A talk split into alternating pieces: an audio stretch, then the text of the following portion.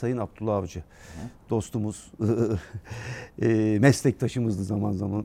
Biz, bize de hoca diyorlar ya hocam. Biz birlikte tabii. çalıştık, birlikte çalışma şansım da oldu benim kendisiyle. Şöyle bir Abdullah Avcı'nın sizin gözünüzde bir teknik direktör yolculuğunun nasıl anlatırsınız? Teknik direktörlüğün Abdullah Avcı'nın buraya şampiyonluğa kadar gelinen yolda. Benim bir kere her şeyin başında benim hayranlıkla e, yıllardır takip ettiğim, izlediğim bir teknik adam. Ben e, futbolculuk dönemlerini hatırlıyorum. İşte güçlü, kuvvetli bir santfor olarak. Pot santrfor değil mi hocam? Uzun boylu postlu bir santfor, yüksek topları olan e, bir santfor olarak hatırlıyorum. Sonra e, tabii futbolu bıraktı, kayboldu. E, televizyonda görürdük, e, maçlarda denk İstanbul gelirdik. Spor, Evet. Spor. Sonra e, Avrupa Şampiyonası'nda U17 milli takım başında tekrar yıllar 2005. sonra 2005'te e, gördüğümde hemen, hemen hatırladım. Ben hemen Rize Sporlu e, Abdullah, Avcı diye e, Abdullah Avcı diye hatırlamıştım. E, teknik adamlığını da çok merak ettim. O turnuvada son derece başarılı. Avrupa şampiyonluğu getirdi. Arkasından birkaç ay sonra e, dünya dördüncüsü oldu. Evet. Genç Peru'da. milli takımımız. Çok e, iyi de futbol oynattı. Siz de birlikteydiniz. Siz- size de tebrikler. Al- O zaman alkışladık. Yok teşekkürler hocam. ben de Ee, bulunmak çok büyük bir Bulundunuz. Harikadır bence. O ona tanıklık ettiniz. Bir parçası oldunuz. Şimdi benim orada ondan hemen e, arkasından milli takımlarda bir yapılanma oldu ve e, benim beklentim şuydu. Abdullah Hoca ya Ümit milli takıma gelir ya işte e, daha iyi bir pozisyonda olur derken o olmadı.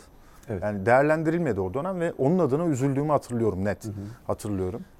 Ki bunun üzerinden de 16-17 sene geçti hemen hemen. Evet. Evet. Sonra e, İstanbul Büyükşehir Belediyespor'la işte anlaştığını duyduk. E, Orada ikinci ligde şampiyon oldular. Süper Lig'e Ee. Süper Lig'e çıkarttı takımı. Süper Lig'de çok mütevazi bir kadroyu büyüttü. Birçok oyuncuyu büyüttü. Yani alabildiğine müteva- mütevazi bir kadrodan yarışmacı bir ekip e, yavaş yavaş her yıl biraz daha aşama göstererek e, araya milli takımı, A milli takımı da e, şey yapacağız. Orada da biraz yaka paça indirildiğini düşündüm ben. Ona da bozuldum yani açık konuşmak gerekirse. Hak etmediği şekilde indirildi. Ee, ama Başak Ba- kulübün ismi de değişince Başakşehir olunca e, daha da hedefler büyüdü. Abdullah Hoca o mütevazi kadrodan beton gibi bir takım yarattı. Bir, bir süreçte oldu Tabii, yavaş yavaş. yavaş yavaş santim Değişerek, santim. gelişerek. Evet.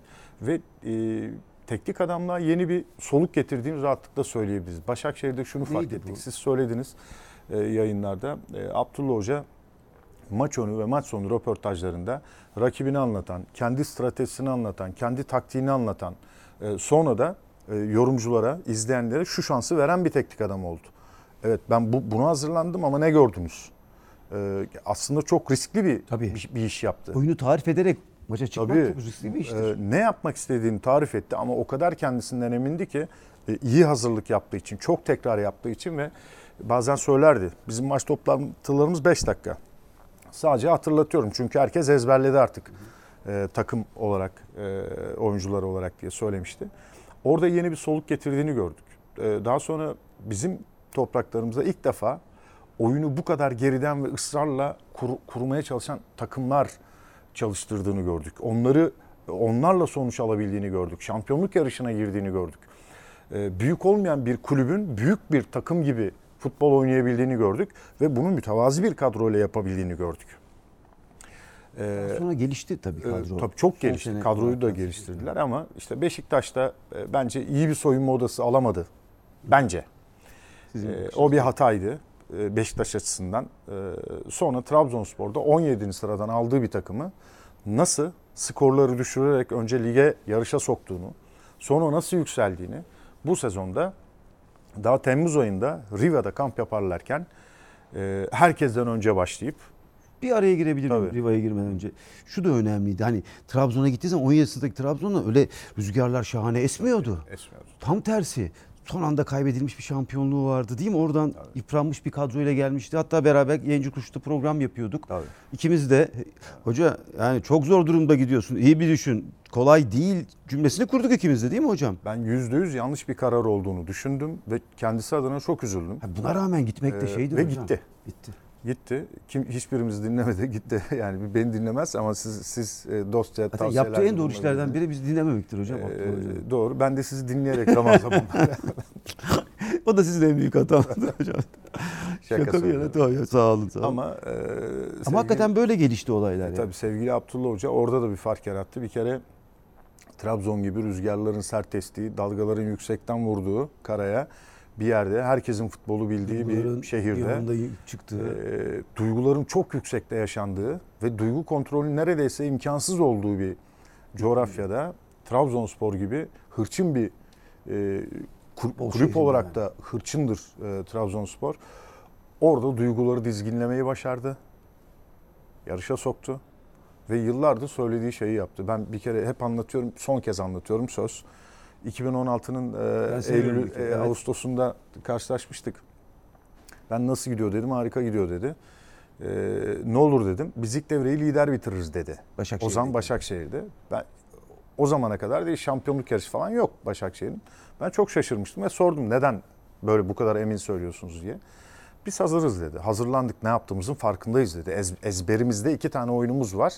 Ee, bütün seçenekleri çalıştık. Biz hazırız dedi. Diğerlerinde hazır olmadığını biliyoruz. O yüzden biz ilk devreyi lider bitiririz rahatlıkla dedi ve gerçekten lider bitirdi. Şimdi Trabzon'da benzerini yaptı. Evet, Er- sene- erken sene o- kuruldu takım. yakın. Riva'da iki oyuncu dışında bütün takımı topladı.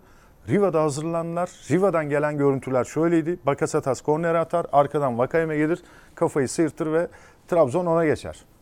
Sezon böyle başladı.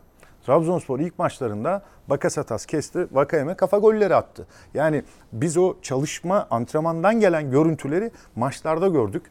Ben bunu ayakta alkışlıyorum. Çünkü e, biraz spontane gelişir şampiyonluk hikayeleri ülkemizde. Evet. Ee, Anlardır. Anlardır. Oyuncu kalitesiyle çözülen işlerdir. Çoğunlukla böyledir. Ama e, Sayın Abdullah Avcı antrenör eli değmiş bir takımı izletti. Zaman zaman oyuncusundan da verim aldı. Bunu da inkar etmedi. Bazen de Bakasetas vurdu gol oldu. Ama Bakasetas da doğru yerlerde kullandı. Bu arada kimse pek ilgilenilmeyen Bakasetas Alanya'da diğerleri tarafından veya pek ilgilenilmeyen Siopis gibi e, Beşiktaş'ın bıraktığı Dorukan gibi e, oyuncuları da işin içine katarak e, birçok oyuncunun kariyer sezonu yaşamasında sağlayan bir atmosfer yaratarak ki onların başında Vakayeme gelir. Kariyer sezonu değil mi Vakayeme? Tabii kesinlikle. Eğer bu kariyer sezonu bu sezon yaşanmışsa bunda antrenör ekibinde çok büyük payı vardır. Ben antrenör ekibinin de çok iyi dizayn ettiğini görüyorum. Evet. Egemen Sadece Hoca'dan da değil. harika yararlandı. Orhan Hoca'dan da. Orhan Hoca'dan da. Ee, Birçok oyuncusu kariyer sezonu yaşadı Ee, ve bence Sayın Abdullah Avcı çok hak ettiği bir şampiyonluk madalyasını boynuna takacak ee, bir süre sonra. Ee, Ben de, e, ben de kendisini ayakta alkışladım. Benim de şöyle bir ayrımım vardır bilirsiniz hocam. O yüzden vurgu yaparak da söylemek istiyorum. Benim gözlediğim geriye dönüp yıllara baktığımda futbolculuğumda daha sonra geçen dönemlerde çok şampiyonluklar oldu. Her sene bir takım şampiyon oldu. Başarılı oldu, şampiyon oldu. Ama hepsinin teknik direktör şampiyonluğu değildi. Kimisi şampiyon takımın teknik direktörüydü. Kimisi bir takımı şampiyon yapan teknik direktördü. Abdullah Avcı çok net bir takımı şampiyon yapan teknik direktördür. İki yıllık süreçte, bir buçuk iki yıllık süreçte gelip yükselerek yükselerek yükselerek gelen e, bir şampiyonluğun mimarıdır. Kendi mesleki olarak işte çok ben çok takdir ederek alkışlıyorum ve buna da hakikaten çok hak ederek mesleki işlerinde de Trabzonspor'da da yaptığı işlerle de hak ettiği bir şampiyonluk profili görüyorum. Şampiyon bir teknik direktör profili görüyorum. Ben daha hedefleri de olduğunu düşünüyorum hocam. Kesinlikle ne diyorsunuz? Vardır. vardır. Bir kere küresel şeyi futbol e, dünyasını iyi takip etti. E, Bir dönem Atletico Madrid'e çalıştı. Bir dönem Pep Guardiola'nın e, oyunlarına çalıştı. Diego Simeone'nin savunma takım savunmasına çalıştı. Avrupa futbolunu hiç pas geçmedi. Alman ligine baktı, İtalya'ya baktı, İspanya'ya baktı, İngiltere'ye baktı.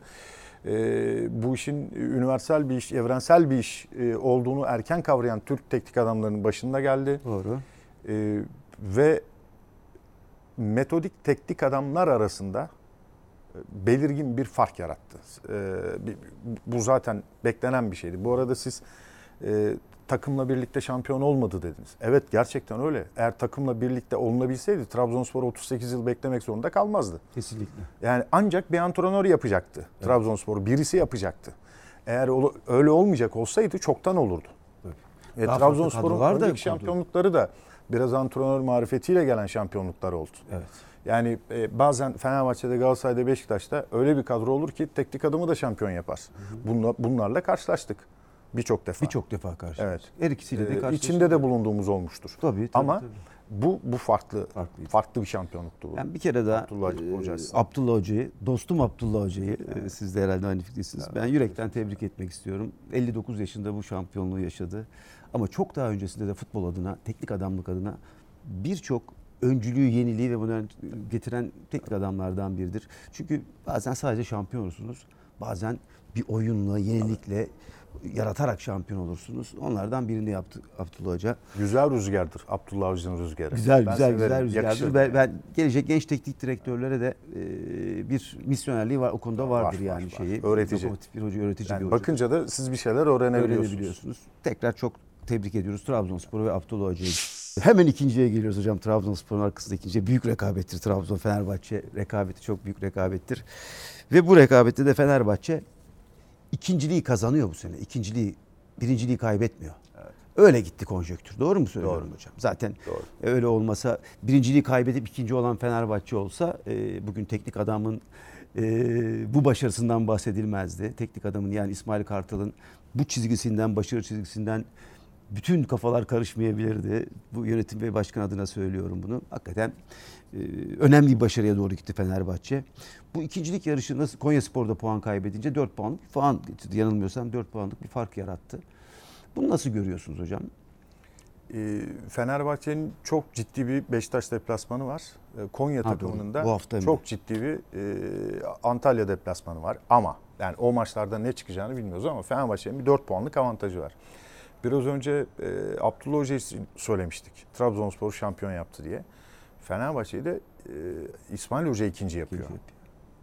Yani Fenerbahçe Abdul e, İsmail Hoca'yı ikinci yapmıyor.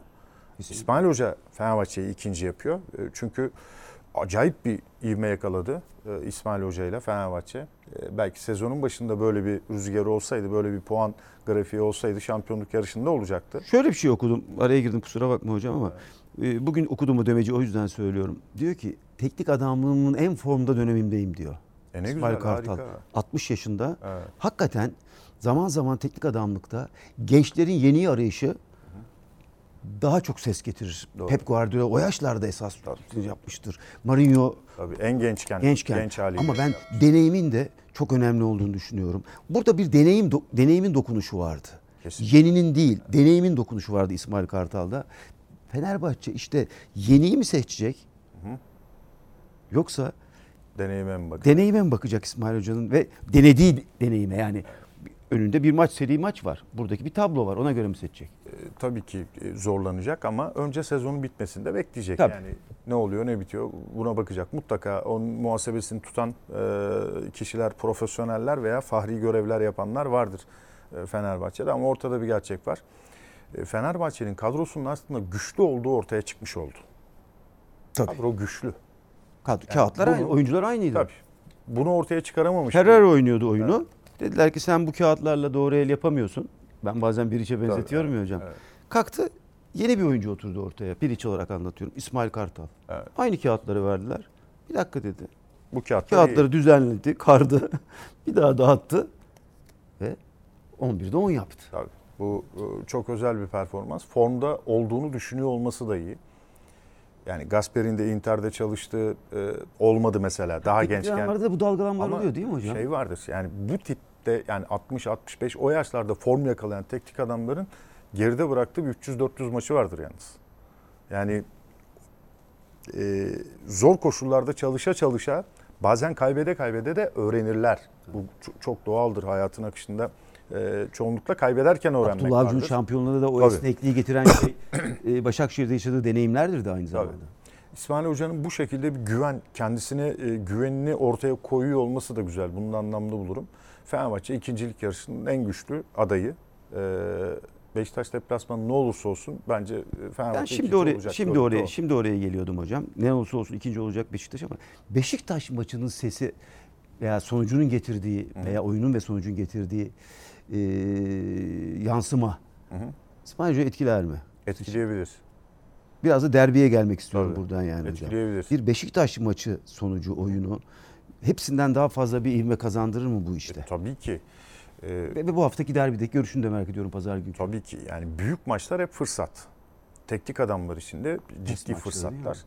E, Derbi ise bu. Ezeli rakibinizle oynuyorsanız deplasman bile olsa, koşullar ağır bile olsa e, büyük fırsat. Şimdi Fenerbahçe'nin olası bir deplasman galibiyeti bir kere İsmail Hoca'nın konumunu sadece yönetim kurulunda değil, taraftar gözünde değil, kamuoyu gözünde her konuda, her yerde, her platformda çok güçlendirecek. E, bu fırsatın farkında İsmail Hoca. Trabzon'da 10 kişiye kaybetmedi. Evet zaten Aradaki orada galibiyetleri büyük ilme, Büyük ilme o- orada. En gösterişli maçını ondan sonra oynadı Doğru. Fenerbahçe takımı. Ondan sonra gelir o seri. Yani Trabzon ma- maçı bir hava verdi Fenerbahçe. Tabii. Aynı şekilde sezon kapanırken gidip Beşiktaş'ı deplasmanda yemek de bambaşka bir yere getirebilir değil mi tabloyu? Tabii ki sevgili hocam şimdi Galatasaray'ı karşı kazandı. Evet. Tra- Trabzonspor'a 10 kişi kaldı kaybetmedi. Ee, şimdi Beşiktaş'a karşı olası bir galibiyet Olası bir galibiyet. İsmail Hoca için çok daha güvenilir bir şey yaratacak. Alan yaratacak. alan sonuç yaratacak ve se- seçi- e, seçicileri de etkileyecek. Peki tam tersi Valerian İsmail için nasıl bir e, yansıma Benzer. olur? Benzer, bir yani yansıma. bir derbi galibiyeti. e, Büyük, Onda büyük- farklı yerlere. Tabii ki. Hocam her derbi galibiyeti siz e, sporcu olarak yıllarca o şeyin içinde yer aldınız. Başkadır. Her kötü Özel. sezonlarınız da olmuştur mutlaka. Özeldir ama. Ama bazen derbiler sizi kurtarmıştır yani. İyi Ha, ki- bu arada ilginç geçen şeye e, dikkat ettim. Hocam derbilerde en fazla gol atan oyuncular arasındasınız. Sen Farkında mısınız? Farkındayım hocam. Ben size söyledim. Yani siz gollerin çıktı o. e, O yani enteresan. attığınız gollerin yani neredeyse yarısına yakınını şeyde atmışsınız. Derbilerde atmışsınız. Evet Galatasaray Fener Trabzon maçlarına denk geliyor. Ben de şaşırıyorum. Bir gün ben size golcü sormak istiyorum bunu. Golcü oyuncu değildim. Bunun açıklaması nedir diye ben size sormak istiyorum hocam. Hocam ben çok ilginç geldi bana. Yani Fenerbahçe'ye en çok gol atan Beşiktaşlar listesinde ve evet. Galatasaray'a en çok gol atanlar listesinde hep ilk üçte ilk dörttesiniz. Derbi Yani. Bütün hocam. tarih 120 yıl boyunca yani. Derbi severdim de. özel enteresan. maçlardır. Özel maçlardır hakikaten Siz de hocam. özel bir oyuncuymuşsunuz yani. Ya, teşekkür ederim. Teşekkür ederim. 35 yıl önce falandı hocam. Yani kısaca 30 yıl önceydi. Güzel ederim. günlerdi. Evet, Çok güzel günlerdi. E, peki oyunu biraz değerlendirsek Fenerbahçe Beşiktaş maçında biraz sizle konuştuk. Benzer şeyleri düşünüyoruz. Valerian İsmail, İsmail Kartal şeye gider. Valerian İsmail baskı tempo oyunlarında basıp kapma, kapıp oynama oyunlarında kendini 2-3 maçta ifade eder. Fakat ne zaman ki ben oyuna geleceğim, domine edeceğim, ben olacağım topun sahibi ve sana e, domine ederek kazanacağım dediği zaman o başarıyı gösteremedi. Çok kısa süreçten bahsediyorum. Doğru. Bugün, bu hafta bir iç saha maçında bir seyirci coşkusuyla çıkıp mı yenecek, kapıp basıp tempoyla mı yenemeye çalışacak? Fenerbahçe'de ben bu derbinin güçlüsü müyüm diyecek, yoksa ben bu derbiyi de doğru kazanarak mı, doğru oynayarak mı kazanırım diyecek. Ben Beşiktaş'tan sürpriz beklemiyorum. Yani Beşiktaş'ta derbi atmosferleri hep çok yüklü. Ee, seyirci çok baskılı. Neticede siz orada nasıl planlarsanız planlayın. e, Beşiktaş taraftarı sizi bir kere öne doğru itiyor. Böyle bir gerçek var. Ee, o yüzden ben Beşiktaş'tan sürpriz beklemiyorum. Zaten Valerian İsmail'in de e, hayalindeki oyun, tarif ettiği oyun, biraz da göstermeye çalıştığı oyun önde baskılı. Koşuyla yaptığı muntazam baskı. Taraftar coşkusu da bunda tabii. şeydir tabii. E, Taraftar da zaten Beşiktaş taraftarı şeye bayılır. Yüksek tempoya Tempoya bayılır. bayılır, tabii, tabii. Agresif bir takım savunmasına, yakın oynanmasına, önde baskı yapılmasına bayılır. E, talep de eder ayrıca. E, ben o sebeple Beşiktaş tarafında sürpriz beklemiyorum. Ama Fenerbahçe sürpriz yapabilir. Fenerbahçe Nedir normalde... sürpriz? Hocam Fenerbahçe takımı oyunu geriden muntazam kurabilen bir ekip. Ama İsmail Hoca her maçtan sonra şunu söylüyor. Rakibimizi iyi analiz ettik diyor. Şimdi muhtemelen Beşiktaş'ı da iyi analiz etti. Ve e, sizin gördüklerinizi, bizim gör- gö- görmeye çalıştıklarımızı gördü. Nasıl bir çıkarım oradan? İsmail Hoca Yansıtlar sürpriz yani. yapabilir. Oyunu geriden kurmayabilir mesela. Bir sürpriz midir bu? Sürprizdir tabii. Beşiktaş için bir sürprizdir. Tabii ki Beşiktaş için sürprizdir ve Beşiktaş'ı sıkıntıya sokabilir bu. İşte eğlenceli yani maç olacak baskıyı dediniz. düşürebilir, bypass edebilir yani Evet, orayı. eğlenceli maç olacak dediniz. Çok eğlenceli olacağına ben yüzde yüz eminim. Karşılıklı iki takımı da eğlendireceğini düşünüyorum. Harika bir derbi olacak bu kez.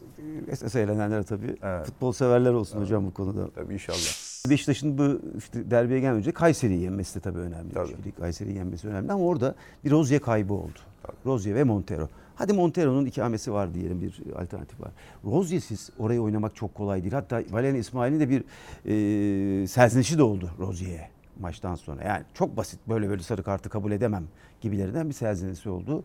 Hakikaten bunu söylediğine göre ciddi ciddi orada bir sağ tarafı nasıl yapacağım şeyi var Var. sıcağı sıcağına vardı. Acaba e, bunun gardını nasıl alacak veya ne olacak alternatifi Rozier? E, Rozier konusu e, ciddi bir açmaz şundan. e, Sergen Hoca döneminde Beşiktaş topla baskı yaparken de çok özeldi Evet. Rozier. Şimdi Valerian İsmail ile koşuyla baskı yapa- yapmak isterken de e, Rozier'in e, varlığı çok önemli. E, önemli bir nokta, önemli bir aktör. Her ikisinde de. Topla baskı yapıyorsanız da, koşuyla baskı yapıyorsanız da Rozier, Rozier'e ihtiyacınız var. O yok. Ve çok saçma gördük arttı. Çok. Yani saçma gördü yani. Hiç gerekmeyen Hiç bir gerekmeyen. oyun başlangıcında ayağını koyarak gördü. Ne olabilir o sizce? ciddi bir eksik. Yani ne olabilir? Ben Enkudu oraya gelebilir diyorum. Ben, ben de bir, hemen maç sonu öyle bir Çünkü şey geldi ama Şimdi bir sağ bek gibi düşünmeyelim. kenar. Sağ bek gibi düşünsek Necip de diyebiliriz. Ben Necip'in stoper olacağını düşünüyorum. evet. Şimdi üçlü oynandığı için orta dörtlünün kenarında yani burada yüksek tempo gerekiyor. Çabukluk gerekiyor, dinamizm gerekiyor. Oradan Ferdi gelecek. Evet. Onun kontrolü gerekiyor. Onunla birebir oynayabilmek falan gerekiyor. Ben oraya Enkudu'yu tercih edebileceğini düşünüyorum. İlk aklıma gelenlerden biri bu. Ee, Çünkü sola biraz alternatifleri var. Ama sağa yok. Yani Umut Meraş bir tarafa, Rıdvan Düşünüyorum bir tarafa zamanda, evet. akıcılık kazanamaz.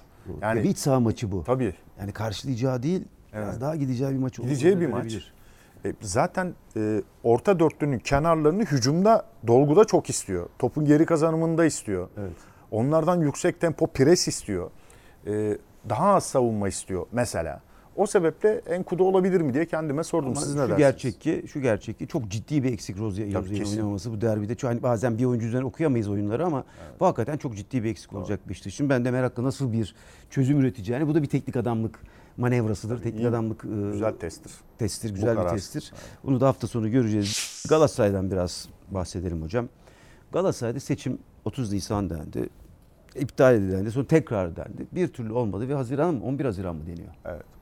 Süreç şu. Biz yönetim bölümüyle ilgilenmiyoruz tabii ki. Seçilecektir yönetim. Galatasaray'ın genel kurulu üyeleri başkanlığı seçecektir 11 Haziran'da.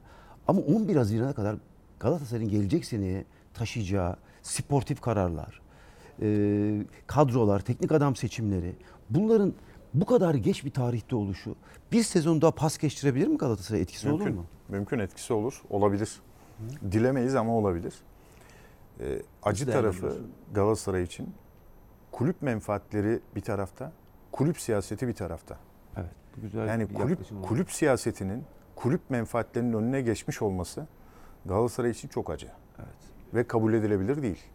Yani genel kurul da e, bunu gösterecektir muhtemelen. E, Bu Nasıl çünkü- yansıması olur mu? e, tabii mutlaka olacaktır. Yans- yansıması olacaktır. Ben e, çok kalabalık bir kongre olacağını tahmin ediyorum. Galatasaray kulislerine hiç hakimiyetim yoktu, hiç bilmem. E, zaten diğer kulüpleri de seçim falan pek takip etmem. Sonuçları bilirim sadece. Ama e, Galatasaray kulüp siyaseti uzun süredir kulüp menfaatlerinin çok önüne geçmiş gibi görünüyor. Bunu dışarıdan bir gözlem olarak kabul etsinler lütfen. Tabii ki tabii. Çünkü çok dışarıdan bakıyorum Galatasaray kulübüne. Ee, bu kadar başarılı bir kulüp ve sporcu kulüptür Galatasaray. Yani basketbol şubesi vardır, voleybol şubesi vardır, atletizm şubesi vardır, kürekçileri vardır. Sporcu kulüptür. Sporcu kulüpte e, di- diğer kulüplerden biraz daha başkalaş, başkalaşmıştır bu kulüpler. Kulüp siyaseti daha hafif geçer. Kulüp menfaatleri daha yüksek geçer. Çünkü kuru- kürek şubesi gelir oy, oy vermeye. Onlar sadece kulüp menfaatini düşünür. Kulübün eski atletleri gelir, eski sporcuları gelir, liselileri gelir. Ya bunlar kulüp menfaatlerini düşünen, düş- düşündüğünü varsaydığımız insanlardır. Profiller. Öyle gelir, oy verirler. Veya kulübe o şekilde Kulüp bakarlar. şu anda kastettiğiniz ve nasıl yansıması Hocam bu kadar mı sancılı olur bir şey? Yani e, Ben şunu düşünüyorum bir Galatasaray taraftarı olarak, kamuoyundan biri olarak. Ya bir an evvel başkanımızı seçelim, en doğru Evet. başkanımızı seçelim Evet. ve iş başlasın. Evet. Ben en önceki kriterim bu olması gerekiyor. Budur, bu Atladığım olmalıdır. bir şey mi var bilemiyorum. Bu Yani olmak zorundadır. Bu olmak zorundadır. Evet. Umuyorum gelecek seneyi pas geçirmez bu gecikmeler, bu geç kalmışlıklar. Sizin ifadenizle kulüp siyasetin, kulüp menfaatlerinin önüne geçmesi, gelecek seneyi pas geçmesi Galatasaray'ın başka bir yere götürür. Gelirler, mali yapı. Her anlamda. Her Tabii ki Galatasaray bunun altından kalkacaktır ama kalkar. bu kadar geç kalınması e, Ama buna gerek yoktu. Çünkü şimdi 8 ay, 7 ay geriye gidelim. Yaz aylarına gidelim. Evet. Galatasaray'da yavaş yavaş transferler oluşmaya başlandı. Genç oyuncular. Bir proje tarif edildi. Geleceğe umut dendi. O geleceğin bir kısmı işte bu seneydi. Bu bir yıldı. Ama tam şeyine kavuşmadı. Şimdi ciddi bakın proje istikrar ister. Proje devamlılık ister. Peki bu yıl bir kayıp olarak Kararlılık görebiliriz ister. değil mi? Tabii ki bunu kayıp olarak görürüz ama yani e, kararlı tutum o- onu e, görmedik. Şimdi bir de yani e, seçim sürekli erteleniyor oluşu e, sa- e, getireceği gecikmeler de harika kararlar vermeyi engelleyebilir yeni yönetim için. Peki bu bu projeden çok ya olumlu sekmeler olmamış mıdır? Hiç hiç yok mudur? Nelson var. Yani oyuncu kazanımları Kerem var. var. Yani Kerem var. Yani Kerem da- zaten, Zaten devam vardı ediyordu belki. ama yani mutlaka vardır. E, elemek de bazen kardır. Tabii. Dışarıda bırakmak da Tabii. kurmaktır Yani esasında tabii bazı şeyleri. o da kuruluma bir katkıdır. Umuyorum Galatasaray'ın bu yönetimsel e, krizi demeyeyim ama bu sorunları e, gelecek senenin sportif kararları ve sportif başarılarına yansımayacak diyoruz ama çok da kolay değil yansımamasını. Bakalım ileride Galatasaray'ın şeyi, e, kararları ne olacak deyip bu haftayı da burada kapatalım hocam.